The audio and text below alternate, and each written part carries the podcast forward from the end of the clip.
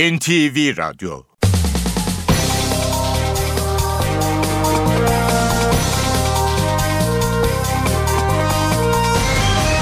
İşe Giderken Mutlu sabahlar, iyi haftalar. Ben Aynur Altunkaş. Bugün 24 Şubat Pazartesi. Saat 9'a kadar Türkiye ve dünya gündemine yakından bakacağız. Ayrıntılara geçmeden önce haber başlıkları. MİT'e yeni yetkiler tanıyan yasa teklifi komisyonda kabul edildi. Gergin geçen oturumda bazı maddelerde değişiklik yapıldı. Hafta sonu Afyon ve Kütahya'da seçim çalışmalarını sürdüren Başbakan Erdoğan, cemaat ve CHP'ye eleştirilerini sürdürdü. CHP lideri Kemal Kılıçdaroğlu, sağlık durumu nedeniyle tahliye edilen eski İnönü Üniversitesi Rektörü Fatih Hilmioğlu'nu evinde ziyaret etti. İstanbul'da seçmenlerine seslenen MHP lideri Bahçeli, oylarınız çalınıyor, sahip çıkın dedi. Ukrayna'da ölen 88 kişi için anma törenleri düzenleniyor. Görevden azledilen devlet başkanı Viktor Yanukovych'in nerede olduğu bilinmiyor. Mardin Nusaybin'de 12 yaşında bir çocuk mayın patlaması sonucu ağır yaralandı. Rusya'nın Soçi kentinde düzenlenen 2014 kış olimpiyatları sona erdi. İşe giderken gazetelerin gündemi.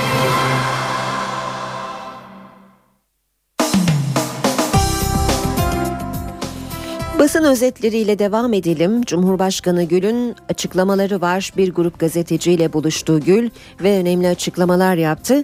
Milliyet gazetesi manşette köşkten 15 itiraz diyor. Cumhurbaşkanı Gül daha komisyondayken incelediği HSYK yasasında anayasayla çelişen 15 nokta gördüğünü, durumu Adalet Bakanı'na bildirdiğini, sonuca bakacağını söyledi diyor Milliyet. Haber şöyle devam ediyor. İnternet yasasını veto etmeyince eleştirilerin odağı haline gelen Cumhurbaşkanı Gül, yöntemin değil alınacak sonucun önemli olduğunu vurguladı. Baktım ki veto etsem şike yasası gibi aynen geri gelme ihtimali var. Çünkü torba yasada ve içinde milyonlarca insanın beklediği iyilikler var. Bu yüzden ilgili bakanı çağırıp problemli maddelerin değişmesi lazım dedim. Yeni yasa salı günü görüşülecek. Yine Milliyet gazetesinden aktaracağız. Başkanın evi halka açıldı. Ukrayna Meclisi azlettiği devlet başkanı Viktor Yanukovych'in yerine Oleksandr Turchinov'u geçici başkan ilan etti.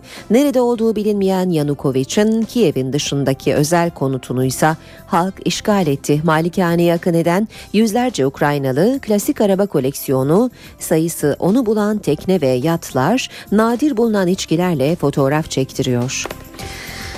Hilmioğlu'nu ziyaret etti. CHP Genel Başkanı Kılıçdaroğlu bir süre önce sağlık nedenleriyle Silivri cezaevinden tahliye edilen Profesör Hilmioğlu'nu evinde ziyaret etti. Kılıçdaroğlu kendisi, ailesi büyük acılar yaşadı. Silivri'de kalanlar için üzülüyor. Masum insanların hapiste olması doğru değil. İnsanın vicdanı sızlıyor dedi. Yine devam edelim Milliyet gazetesinden bir başka başlıkla kızları uyandırıp beydua ettiriyorlar. Afyon'da konuşan Erdoğan önceki gün Sivas'ta yanına üniversiteli 8 kızın geldiğini anlatarak paralel yapının evlerinde kalıyorlarmış. Geceleri ablalar bizi kaldırıp size beddualar yaptırıyorlar dediler. Bunun vicdani İslami yanı olabilir mi dedi. Damar sertliği ata yadigarı başlığıyla bitirelim milliyeti. Araştırmalar damar sertliğinin beslenme kadar DNA'mızla ilgili olduğunu da gösteriyor. Damar sertliğinin binlerce yıl önce de var olduğu mumyalar üzerindeki çalışmalarla kanıtlandı. Hürriyetle devam ediyoruz. Büyük risk manşeti var Hürriyet'te. Genelkurmay 1994'te iki köyün bombalanmasına ilişkin davada Türkiye'yi rekor tazminata mahkum eden Avrupa İnsan Hakları Mahkemesi'nin kararına terörle mücadele eden komutanlarımız ileride savaş hukuku ihlalinden yargılanır uyarısıyla ihlal et, e, itiraz etti. Yine hürriyetten aktaralım. New York Times haksızlık yaptı. Cumhurbaşkanı Gül dün bir grup gazeteciyle bir araya gelerek internet yasasında yapılan değişikliklerde oynadığı rolle ilgili açıklamalarda bulundu. Gül önerileri dikkate alınarak yapılan değişikliklerden sonra sonucun kendisini tatmin ettiğini söyledi. New York Times gazetesi tarafından internet yasasını onayladığı için eleştirilmesi hakkında da şöyle konuştu Gül.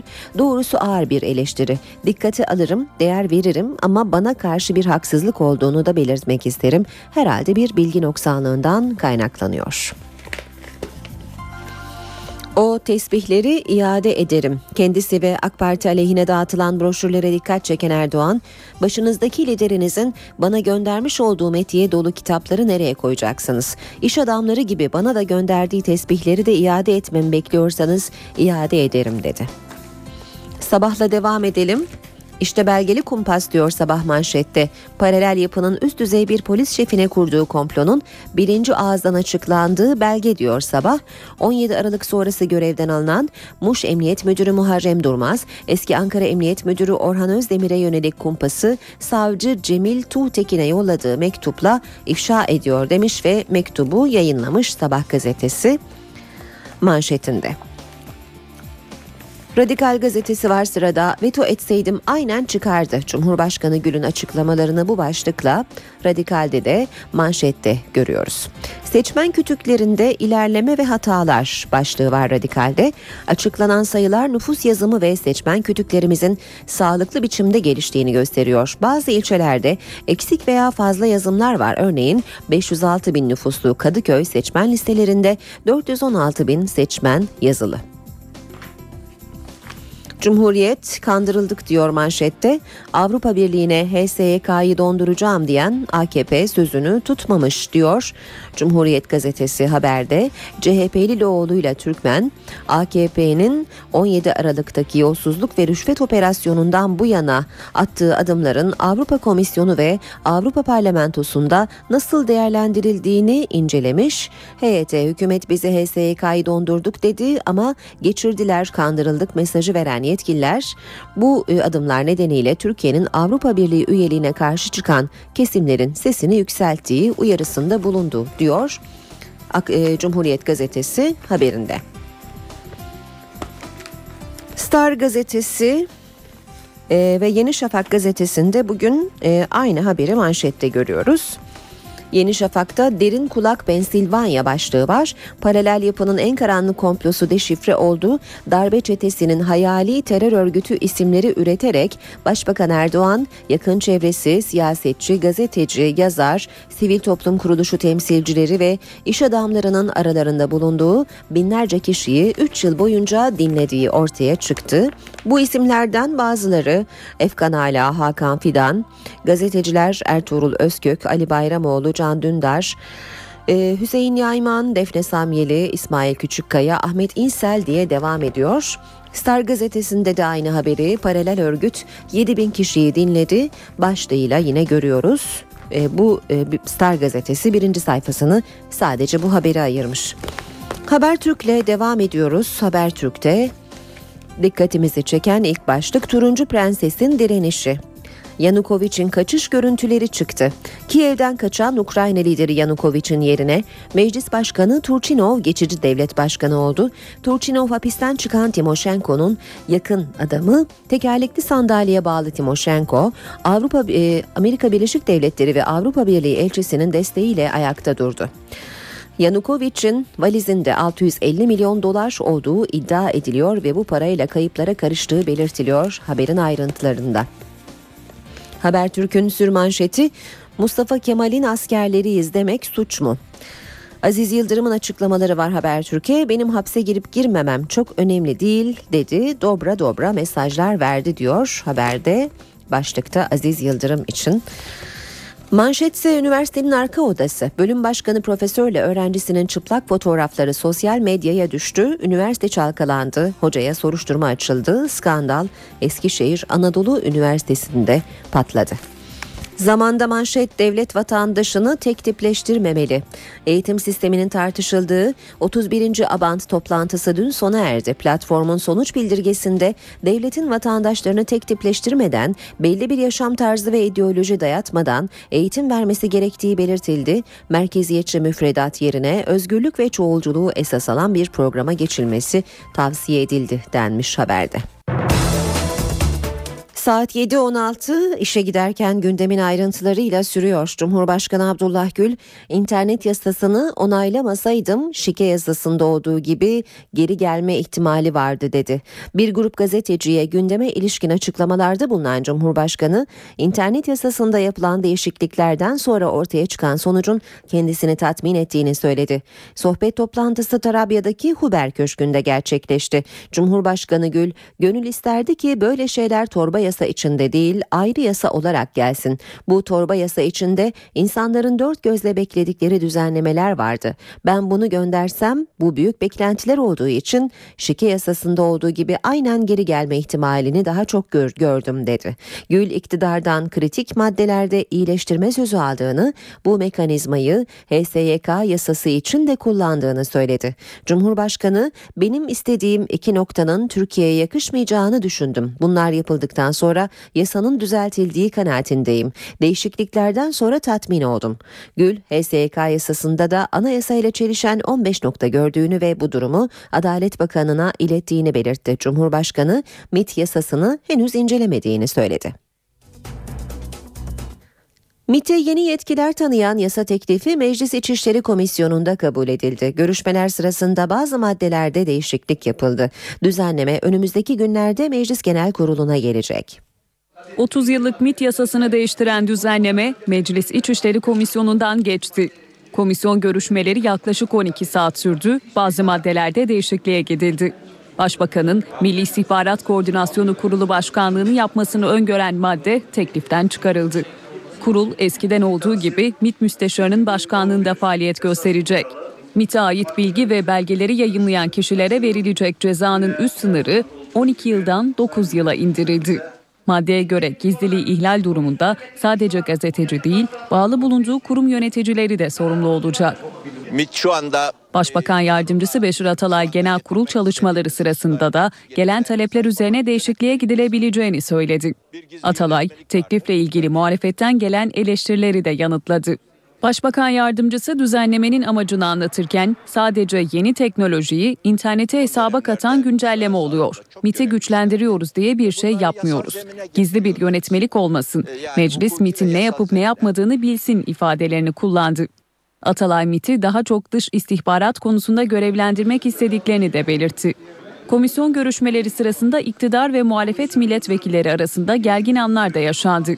CHP Grup Başkan Vekili Engin Altay, MİT Müsteşarı Hakan Fidan'a dizi kahramanlarından daha fazla yetki verildiğini savundu.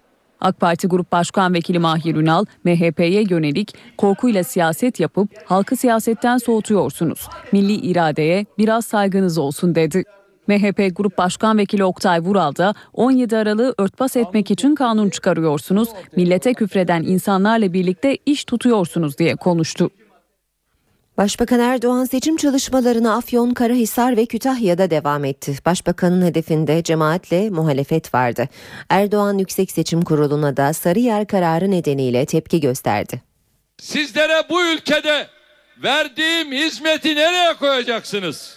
Liderinizin bana göndermiş olduğu metiye dolu kitapları nereye koyacaksınız? İş adamlarına tesbihler gönderdiği gibi bana gönderdiği tesbihleri de geri iade etmemi bekliyorsanız kısa zamanda onları da geri iade ederim.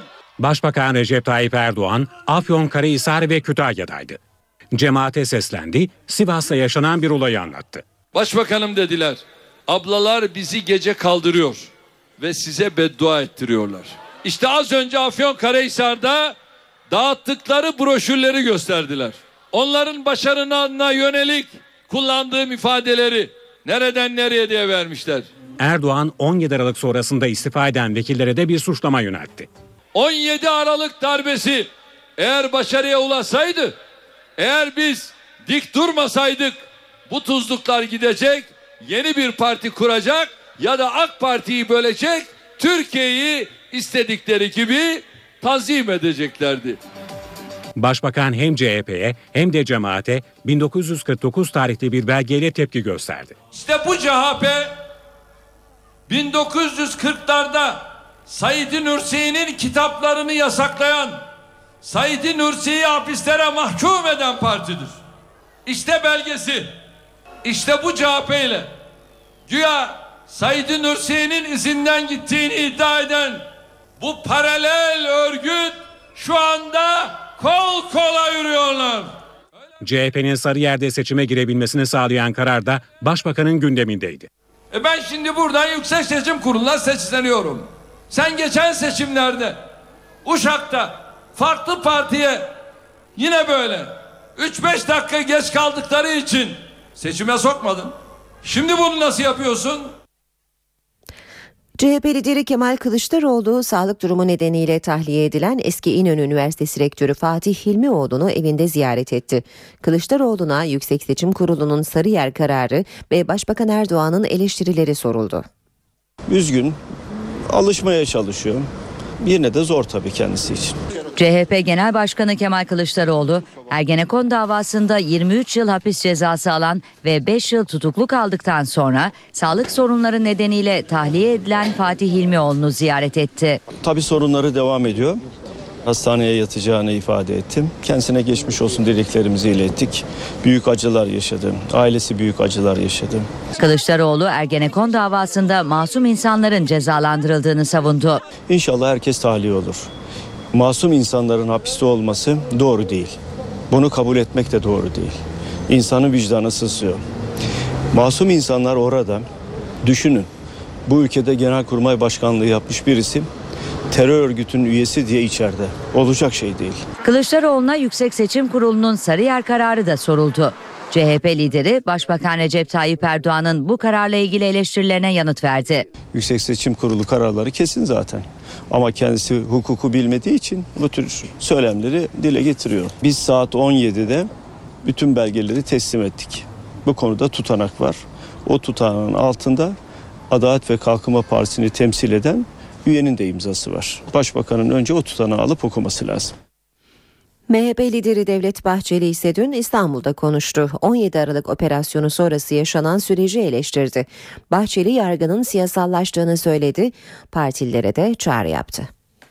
Böyle bir hal otoriter bir rejime kıvrılmayı arkasından da diktatörüye doğru giden bir ihtirası taşımaya başlar. MHP Genel Başkanı Devlet Bahçeli İstanbul'da bazı sivil toplum kuruluşu temsilcileriyle bir araya geldi. Bahçeli, yargının her geçen gün siyasallaştığını savundu. Yargı önemli ölçüde siyasallaştırılmış. Anayasa Mahkemesi'ndeki sayısal çoğunluk ve beraberindeki yapı kendiler için zırh.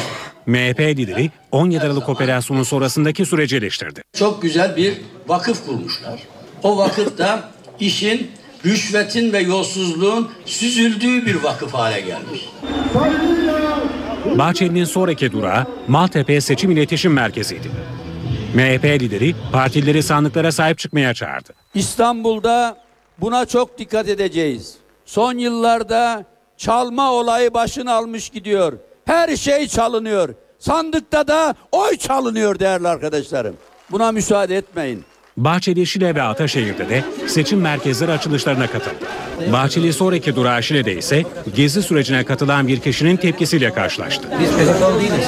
Ben siz benim evim burası sizin yüzünüzden ben PKK'lı muamelesi gördüm burada. Öyle, o öyle değil. Öyle. O zaman değil.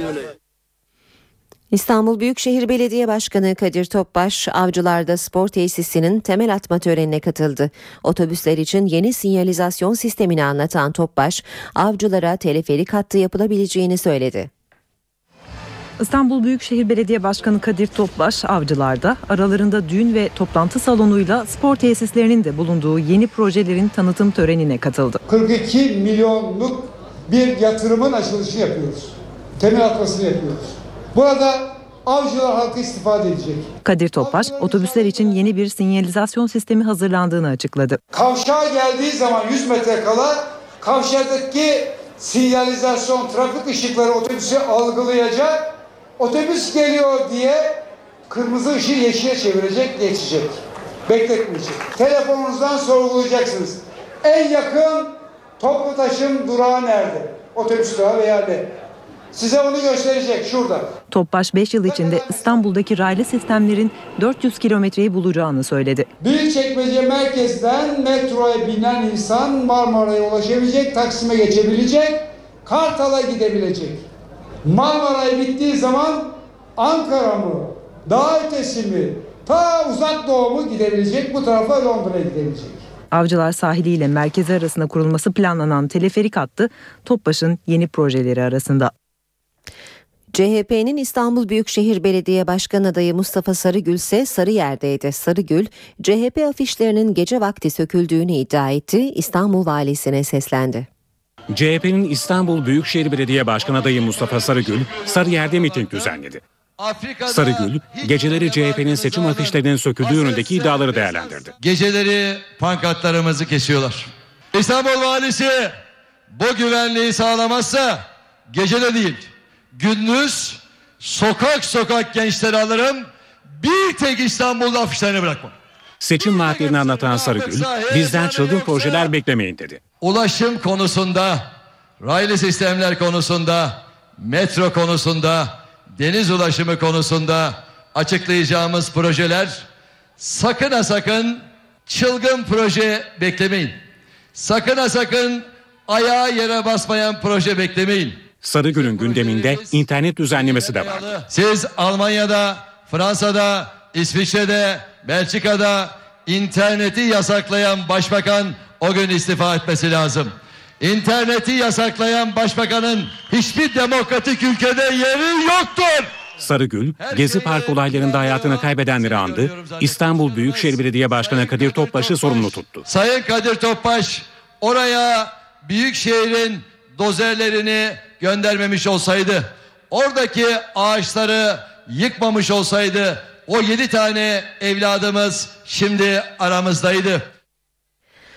Diyarbakır'da yerel seçimlerde bir ilk yaşanıyor. AK Parti belediye başkan adayları için ilk kez Kürtçe ve Zazaca pankart hazırlandı. AK Partili adaylar seçim çalışmalarında Kürtçe ve Zazaca pankartlar kullandı.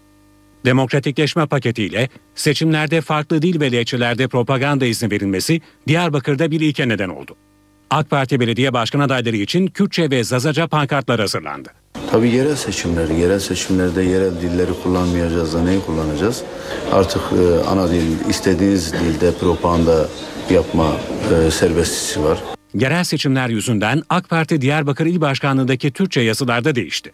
Yerine Kürtçe, Genç Diyarbakır'ım, Peygamberler ve asaplarının geriyim ifadesinin olduğu yazı yerleştirildi. Halka hangi dilde kendinizi daha iyi ifade edebiliyorsanız veyahut da onlar hangi dilde sizi daha iyi anlayabiliyorsa o dilde ulaşacaksınız onlara. Ve yeni Türkiye'de, normalleşen Türkiye'de seçimlerde tabii ki biz kendi dilimizi ve e, bu farklılıklarımızı, güzelliklerimizi de sergileyeceğiz. Hazırlanan yazılarda ağırlıklı olarak Yeni Diyarbakır, değişim ve barış temaları kullanıldı. Diyarbakır Belediye Başkan adayı Galip Ensarioğlu'nun açıklamaları vardı haberde. İçişleri Bakanı Efkan Ala Niğde'de konuştu. Ala vatandaşımızın hukukunu yere düşürmedikten sonra çıkan olaylar hızımızı arttırır dedi. Vatandaşımızın hukukunu yere düşürmeyiz. Onun önüne çıkanı da bertaraf eder, geçip gideriz. Bu bakımdan Allah'ın izniyle, sizlerin desteğiyle bu memlekette çok daha büyük işler başarılacak.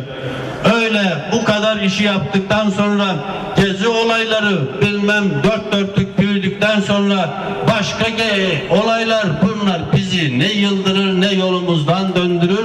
Ne yapar biliyor musunuz? Hızımızı artırır hızımızı. Gücümüzü artırır gücümüzü. Birliğimizi artırır birliğimizi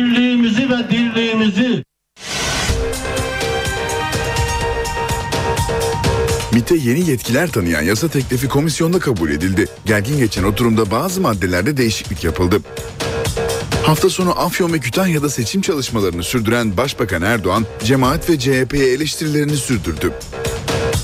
CHP lideri Kemal Kılıçdaroğlu, sağlık durumu nedeniyle tahliye edilen eski İnönü Üniversitesi Rektörü Fatih Hilmioğlu'nu evinde ziyaret etti.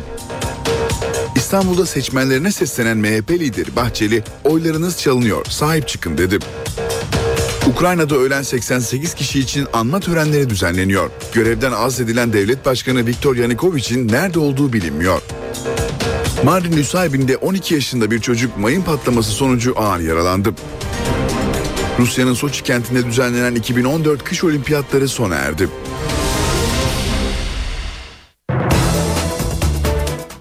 Haberlere bakmaya devam edelim. Mardin'in Nusaybin ilçesinde Suriye sınırındaki mayınlı araziye giren bir çocuk bastığı mayının patlaması sonucu ağır yaralandı. Arkadaşlarıyla oyun oynayan 12 yaşındaki Laleş çift süren bir anda mayınlı araziye girdi. Bastığı mayının patlaması sonucu ağır yaralandı. Devlet hastanesine kaldırılan çift süren burada yapılan ilk tedaviden sonra Diyarbakır'a sevk edildi. Suriye'den Türkiye'ye kaçak yollarla girmeye çalışan bir grupla sınır birlikleri arasında çatışma çıktı. Kaçakçı grubun açtığı ateş sonucu bir uzman çavuş hafif yaralandı. Ege Denizi'nde botları batma tehlikesi geçiren Afgan uyruklu 28 kaçak sahil güvenlik ekibince kurtarıldı. Aralarında kadın ve çocukların da bulunduğu kaçaklar Midilli Adası'na geçmek için Çanakkale'nin Ayvacık ilçesinden lastik botla denize açıldı. Bir süre sonra batma tehlikesi geçiren bottakiler sahil güvenlikten yardım istedi. Küçükkuyu beldesinde karaya çıkarılan kaçaklara battaniye ve yiyecek dağıtıldı. Kaçaklar Ayvacık Yabancılar Merkezi'ndeki işlemlerin ardından sınır dışı edilecek. İstanbul Sarıyer'de eşinin yanında kayınpederinin silahlı saldırısına uğrayan bir iş kadını hayatını kaybetti. Dün akşam saat 8 sıralarında eşiyle birlikte arkadaşlarını ziyaretten dönen Yankı Özkan Yıldırır sokak ortasında silahlı saldırıya uğradı. Saldırıyı gerçekleştiren Yıldırır'ın kayınpederi Kemal Yıldırır kayıplara karıştı. İlk müdahalesi sağlık ekipleri tarafından ambulansta yapılan genç kadın hastaneye kaldırıldı ancak tüm müdahalelere rağmen hayatını kaybetti. Yıldırır'ın bir akaryakıt şirketinin kurumsal iletişim müdürü olarak çalıştığı ve çeşitli ödüller aldığı belirtildi.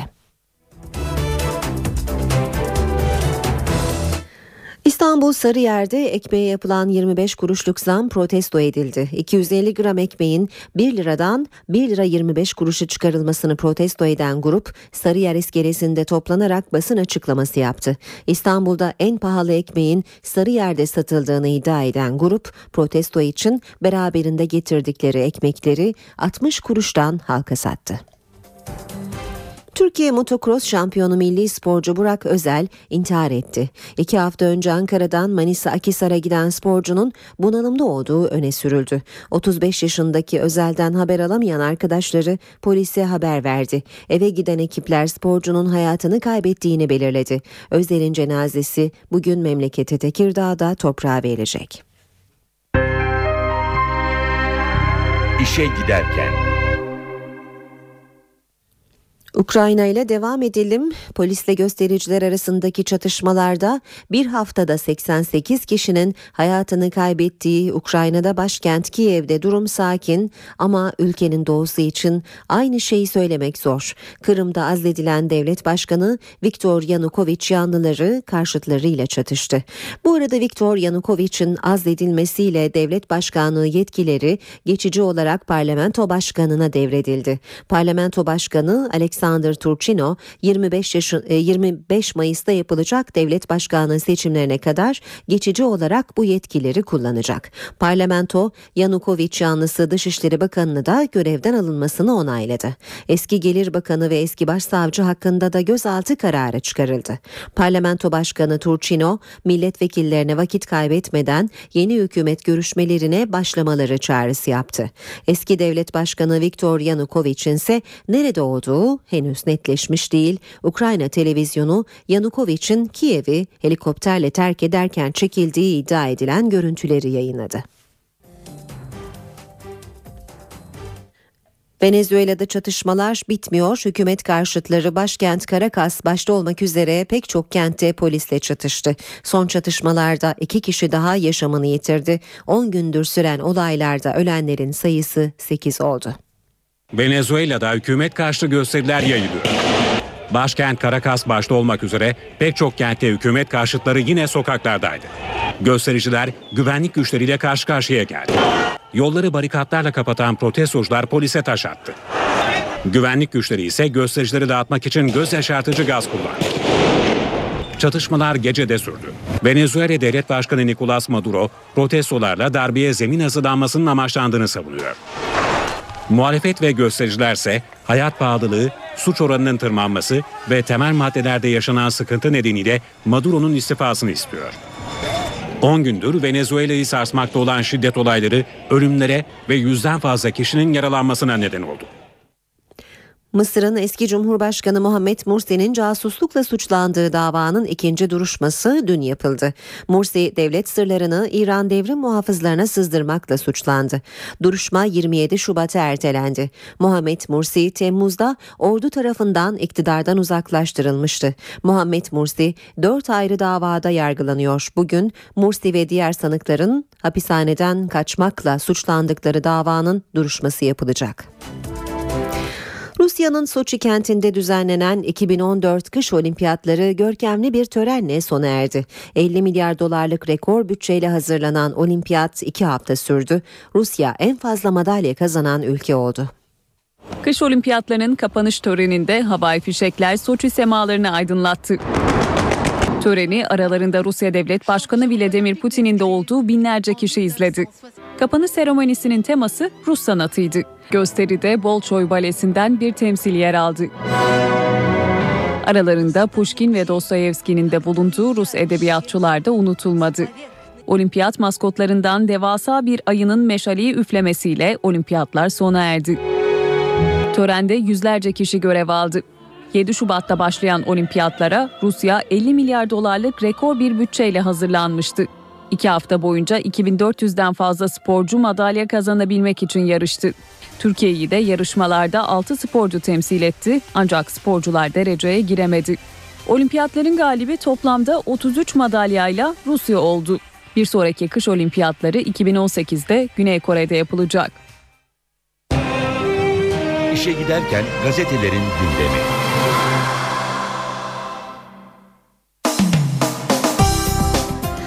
Spor e, haberleri okuyacağız şimdi gazetelerden. Fotomaçla başlayalım. Drogba Cenk'in hayatını kurtardı. Tecrübeli futbolcu derbide Franco ile çarpışıp bilincini kaybeden Cenk'i yerde yan çevirerek hayati müdahalede bulundu ve uygulamalı ilk yardım dersi verdi. Önceki günkü Galatasaray Beşiktaş derbisinin 84. dakikasında kaleci Cenk takım arkadaşı Franco ile çarpışınca yüzüstü düştü ve öylece hareketsiz kaldı. Müdahale eden Dani Cenk'i çevirip sırt üstü yatırdı. Yaklaşık 20 metre uzaktaki Drogba bunu görünce bir anda Cenk'e doğru koşmaya başladı. Tecrübeli futbolcu hemen genç kaleciyi soluna doğru yan yatırıp sağlık ekibi gelene kadar öylece tuttu. Dani'ye ne yapıyorsun diye bağıran Drogba'nın hayati önemde ilk yardım kuralını uyguladığı belirtildi. Bu hareketiyle Cenk'in solunum yolunun açık kalmasını sağlayan Drogba belki de onun boğulmasını önledi. Yine foto maçtan okuyalım. Hamili kart yakınımdır. Trabzon'un evladı Hami Mandıralı hücum futbolu oynatacağım sözünü Kayseri karşısında hayata geçirdi. İkinci yarıda aynı anda iki forvet daha sahaya süren Fırtına'nın teknik patronu 1-0 geriden maçı çevirirken tribünler çiçeği burnunda hocayı bağrına bastı. Bekle bizi Euro 2016. Biz bu gruptan çıkarız. Fransa'da düzenlenecek 2016 Avrupa Futbol Şampiyonası'nın eleme grupları kura çekiminde A milli takımımız dişine göre rakiplerle eşleşti. Euro 2016 elemelerinde gruplarını ilk iki sırada bitiren 18 takım ve en iyi grup üçüncüsü finallere gidecek. İlk maçımız 9 Eylül'de İzlanda ile grupta Hollanda, Kazakistan, İzlanda, Letonya ve Çek Cumhuriyeti yer alıyor. Yine foto maçtan bir başlık. Adam gibi adam Semih Kaya. Derbide top benden çıktı diyerek hakemin kararını değiştirten Semih Kaya 2014 Fair Play ödülüne aday gösterilecek. Fanatikle devam edelim. Son saniyeye kadar bitmez. Chelsea'nin hocası Mourinho fanatiğe açıklamalar yapmış. İstanbul'da 10-0 kazanıp turu garantilemek isterim fakat bu imkansız. İkinci maçın son anına kadar gidecek bir eşleşme bu diyor Jose Mourinho. Trabzon'dan süper dönüş başlığını Fanatik'te de okuyoruz. Hafta içinde Juventus'a 2-0 kaybetmesine rağmen ortaya koyduğu müthiş performansla alkış aldığını yazıyor Trabzonspor'un Fanatik gazetesi. AMK'ye bakalım. AMK'de karışma bende manşeti var. Drogba çarşamba günkü Chelsea maçı öncesi mesaj yolladı. 8 yıl formasını taşıdığı Chelsea'de kaldırmadığı kupa kalmadı. Fil dişili Yıldız arenada oynanacak Şampiyonlar Ligi karşılaşması için arkadaşlarına güven aşıladı. Hiç kafanıza takmayın bu maçı alacağız. Bu arada Chelsea priminin de 1 milyon dolar olduğunu yazıyor AMK gazetesi. Fenerbahçe 6 peşinde. Süper Lig'de son 3 deplasman maçını da kaybeden Sarı Lacivertliler bugün Elazığ'a konuk oluyor. Önemli oyuncularından yoksun olan lider galibiyete uzanıp Galatasaray ile puan farkını 6'ya çıkarmak istiyor. Semih'in ödülü zam. Cimbom'da senelik sadece 1,4 milyon lira alan Semih Kaya'ya zam geliyor. Az, e, az kadronun en az kazanan ismi olan genç stoperle yeni sözleşme yapılacak ve ücreti artırılacak. Manchester United başta olmak üzere Avrupa devlerinin listesinde olan Semih bundan sonra yıllık 2,5 milyon lira kazanacak diyor.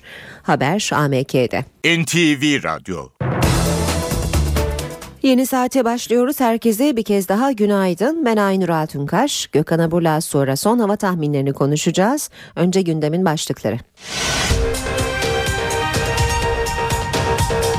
MİT'e yeni yetkiler tanıyan yasa teklifi komisyonda kabul edildi. Gergin geçen oturumda bazı maddelerde değişiklik yapıldı. Hafta sonu Afyon ve Kütahya'da seçim çalışmalarını sürdüren Başbakan Erdoğan, cemaat ve CHP'ye eleştirilerini sürdürdü. CHP lideri Kemal Kılıçdaroğlu sağlık durumu nedeniyle tahliye edilen eski İnönü Üniversitesi Rektörü Fatih Hilmioğlu'nu evinde ziyaret etti. İstanbul'da seçmenlerine seslenen MHP lideri Bahçeli oylarınız çalınıyor sahip çıkın dedi. Ukrayna'da ölen 88 kişi için anma törenleri düzenleniyor. Görevden azledilen devlet başkanı Viktor Yanukovych'in nerede olduğu bilinmiyor.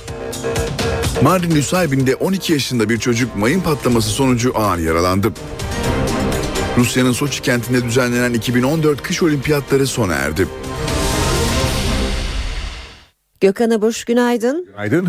İstanbul'a beklediğimiz yağmur geldi. Dün gece kuvvetli yağdı. Şimdi yer yer yavaşlasa da gün içinde aralıklarla sürmesi bekleniyor. Siz neler söyleyeceksiniz?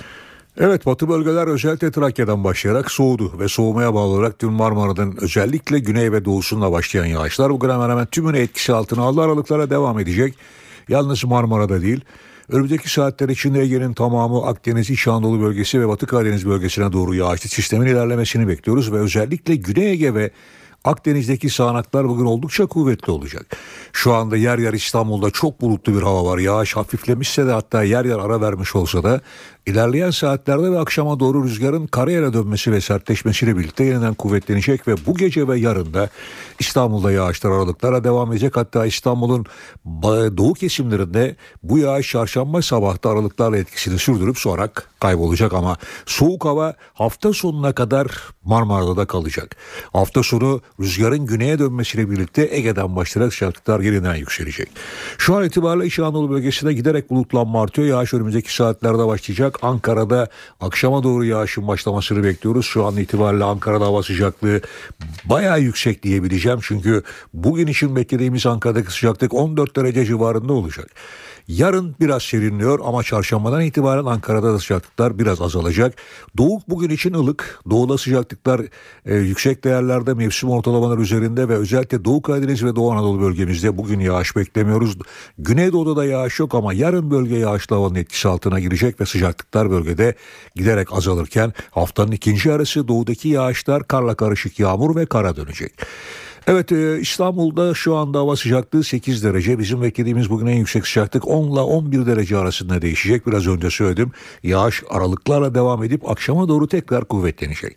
İzmir'de ise çok bulutlu bir hava var. Sıcaklık şu anda 10 derece ve ilerleyen saatlerde İzmir'de de yağışın başlamasını bekliyoruz. Yağış bu gece ve yarın ya özellikle İzmir'in güney ilçelerinde daha kuvvetli olmak üzere devam edecek.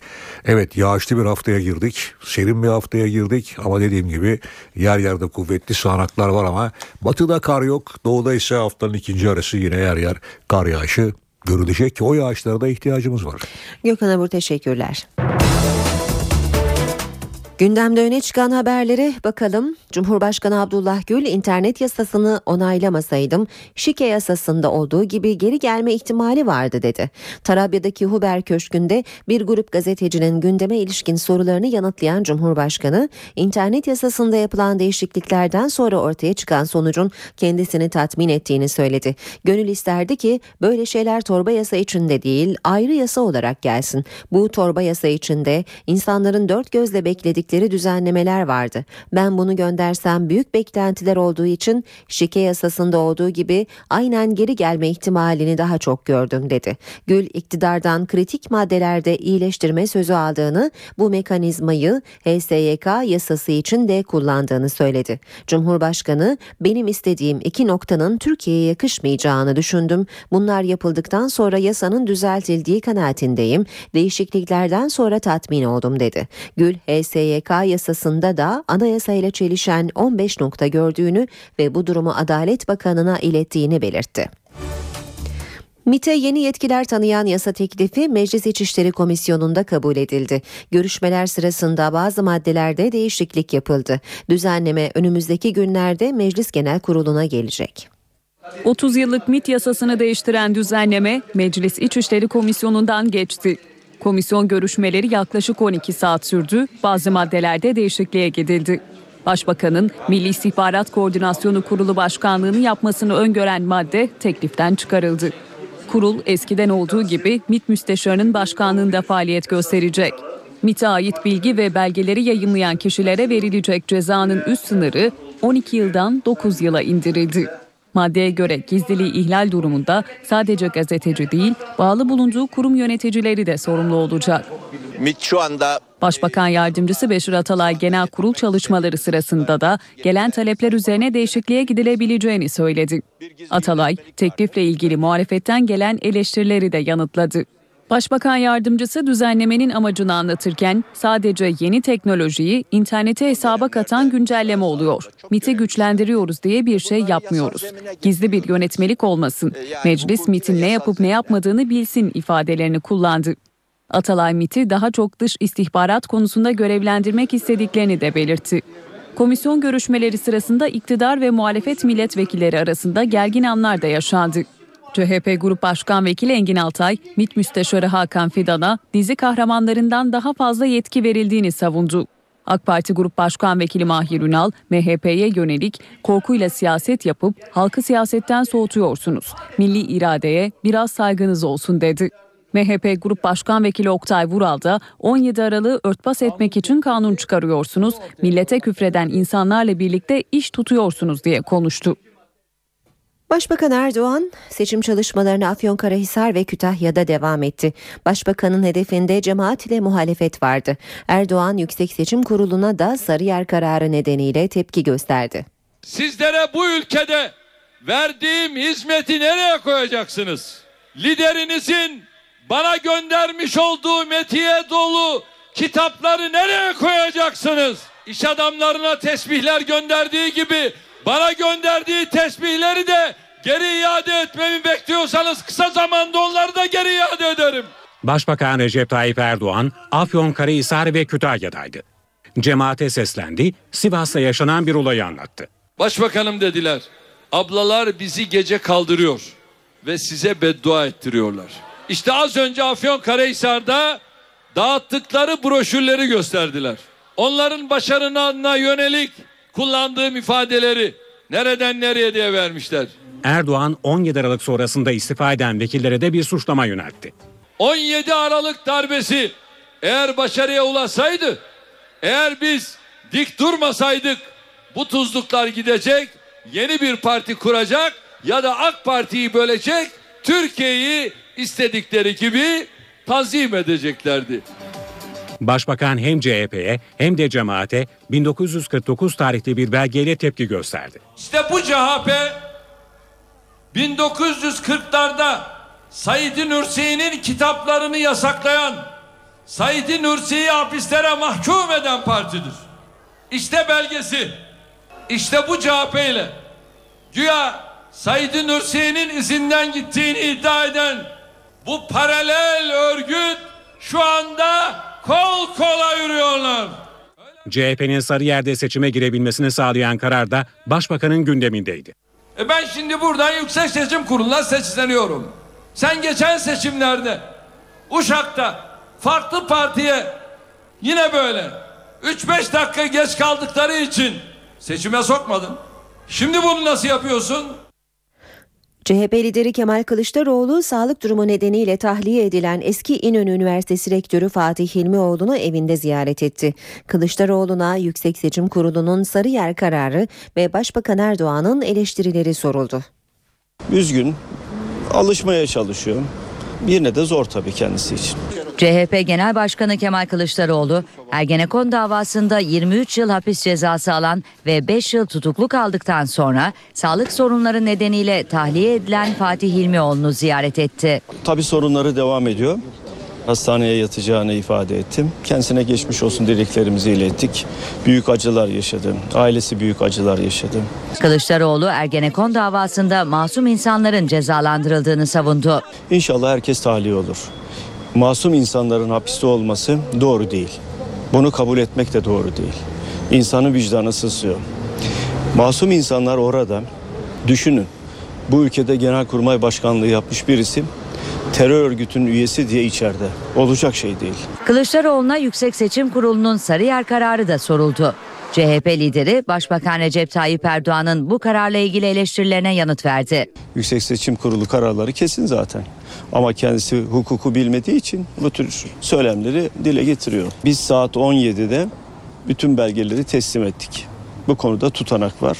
O tutanağın altında Adalet ve Kalkınma Partisi'ni temsil eden üyenin de imzası var. Başbakanın önce o tutanağı alıp okuması lazım.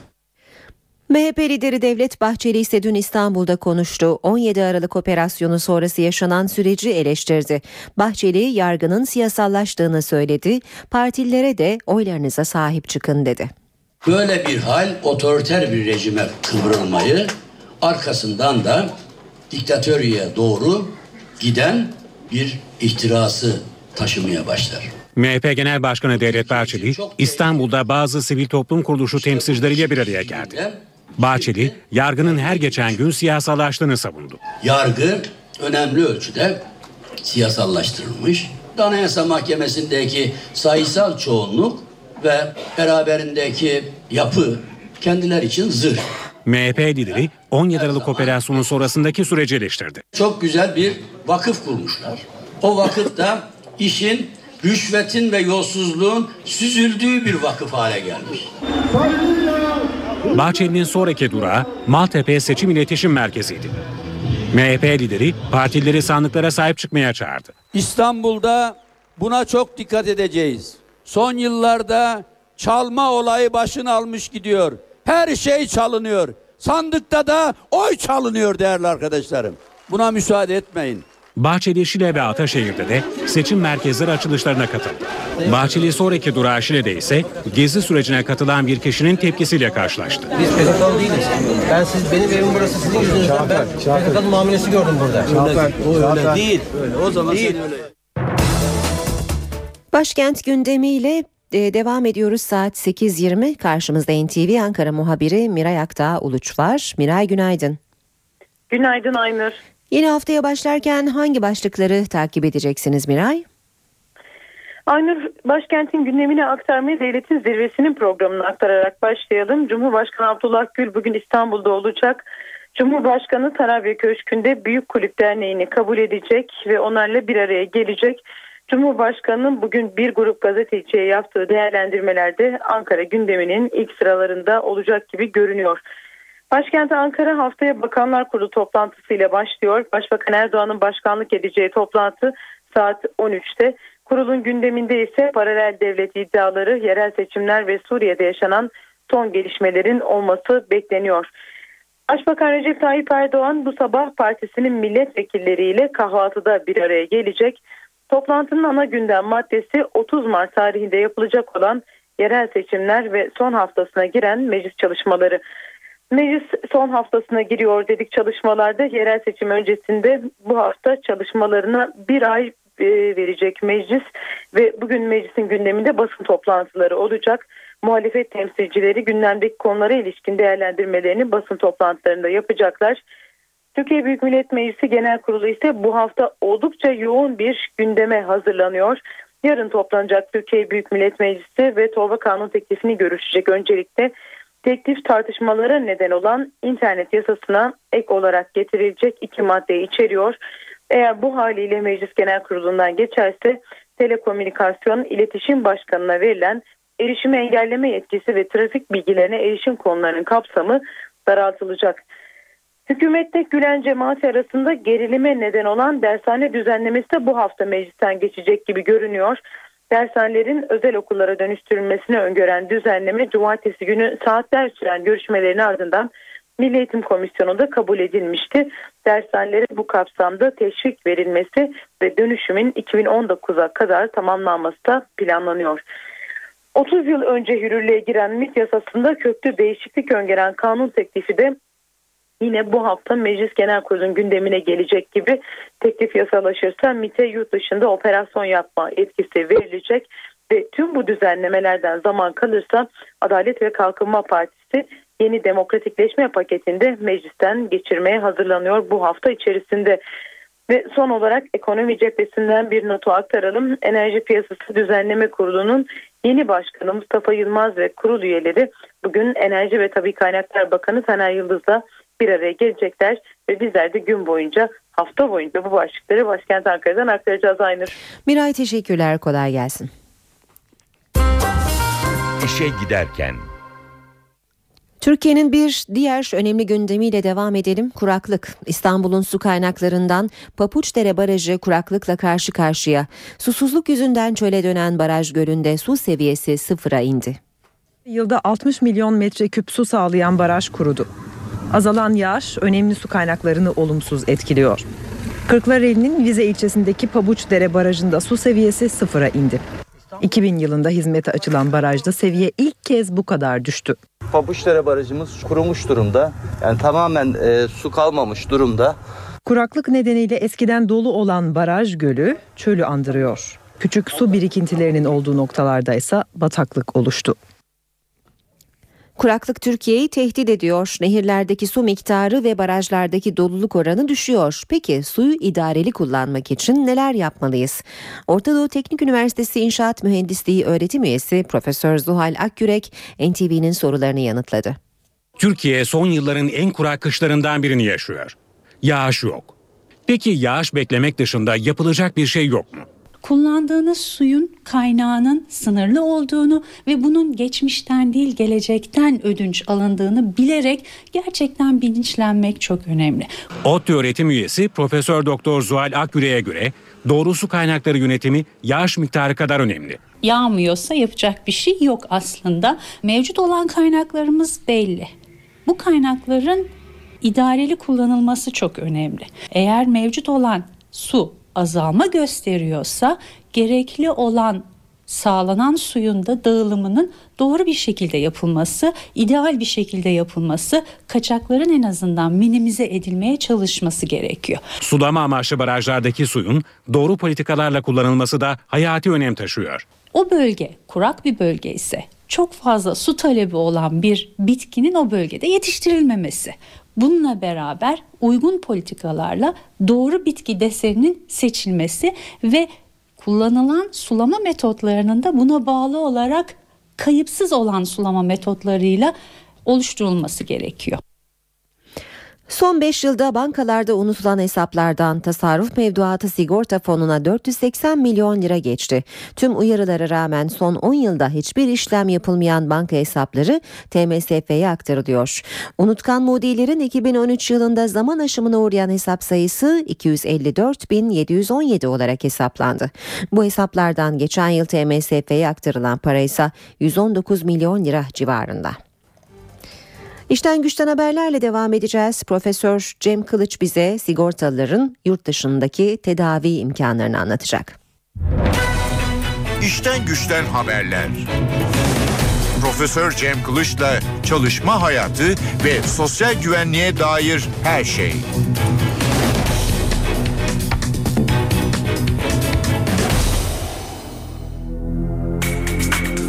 Merhaba sevgili NTV Radyo dinleyenleri. Bugün SGK'ların hangi durumlarda yurt dışında tedavi olabilecekleri konusunu işleyeceğiz. Sigortalara yurt dışında sağlık hizmeti sunulması SGK'nın önemli görevlerinden bir tanesi. Özellikle yurt içinde tedavisi yapılamayan sigortalılar için yurt dışında tedavi imkanı çok önemli oluyor. Yurt dışına tedavi olmak için sadece parası olan hastalar değil, aynı zamanda sigortalı olarak çalışanlar da gidebiliyor. Bugüne kadar yurt dışına ülkemizden en çok organ nakilleri için sigortalı hasta gönderildi. Özellikle akciğer nakli için gönderilen sigortalı sayısı diğer organ nakilleri için gönderilen sigortalı sayısından daha yüksek. En fazla gidilen ülke Avusturya. Ancak Avusturya'nın özellikle 2013 yılı içerisinde daha az hasta kabul ediyor olması sebebiyle bu sefer rota Almanya ve Amerika Birleşik Devletleri'ndeki hastanelere yöneldi. Akciğer naklini kemik iliği ve kök hücre tedavisi takip ediyor. Bunların da hasta maliyeti SGK'ya ortalama 300 bin euro olarak yansımış. Bu hastalıklardan başka kanser, kalp nakli, implant çıkarımı, gen tedavisi gibi gruplarda da sigortalılara yurt dışında tedavi olma imkanı veriliyor. SGK'nın bu hakkından, bu yurt dışı tedavi hakkından 3 grup asıl olarak faydalanabiliyor. Yurt dışına işverenleri tarafından bir iş için gönderilen işçiler ile kamu kurumlarında çalışan memurların kurumları tarafından yurt dışına görevlendirilmeleri durumunda bulundukları ülkede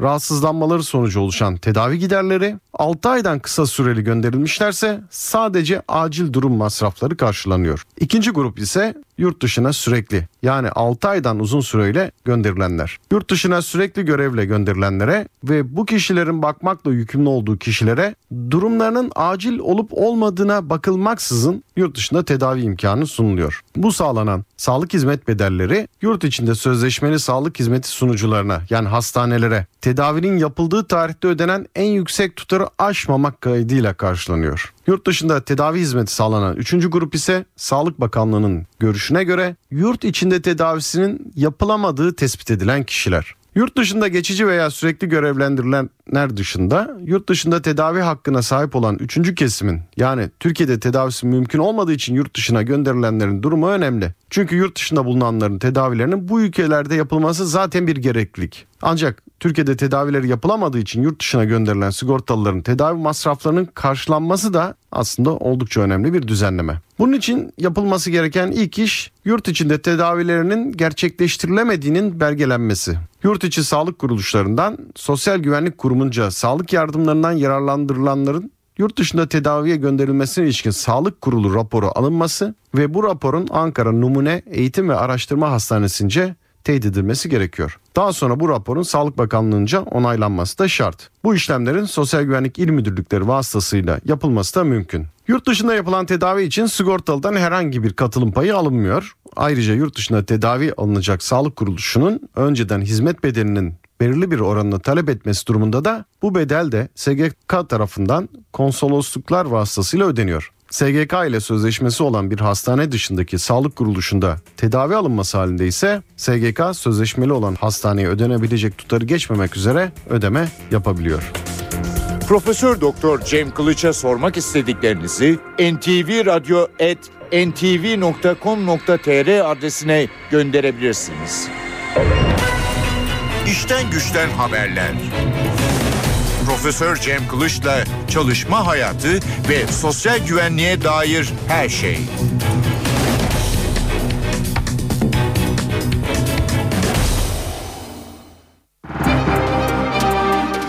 Piyasalara da bakalım. BIST 100 endeksi Cuma günü %0,32 oranında değer kazandı. 63.885 puandan kapandı. Bu sabah dolar 2.18 euro 3 liradan işlem görüyor. Euro dolar 1.37 dolar yen 102 düzeyinde. Altının onsu 1325 dolar kapalı çarşıda. Külçe altının gramı 93 çeyrek altın 163 liradan satılıyor. Brent petrolün varili 110 dolar. İşe giderken sona erdi. Hoşçakalın. NTV Radyo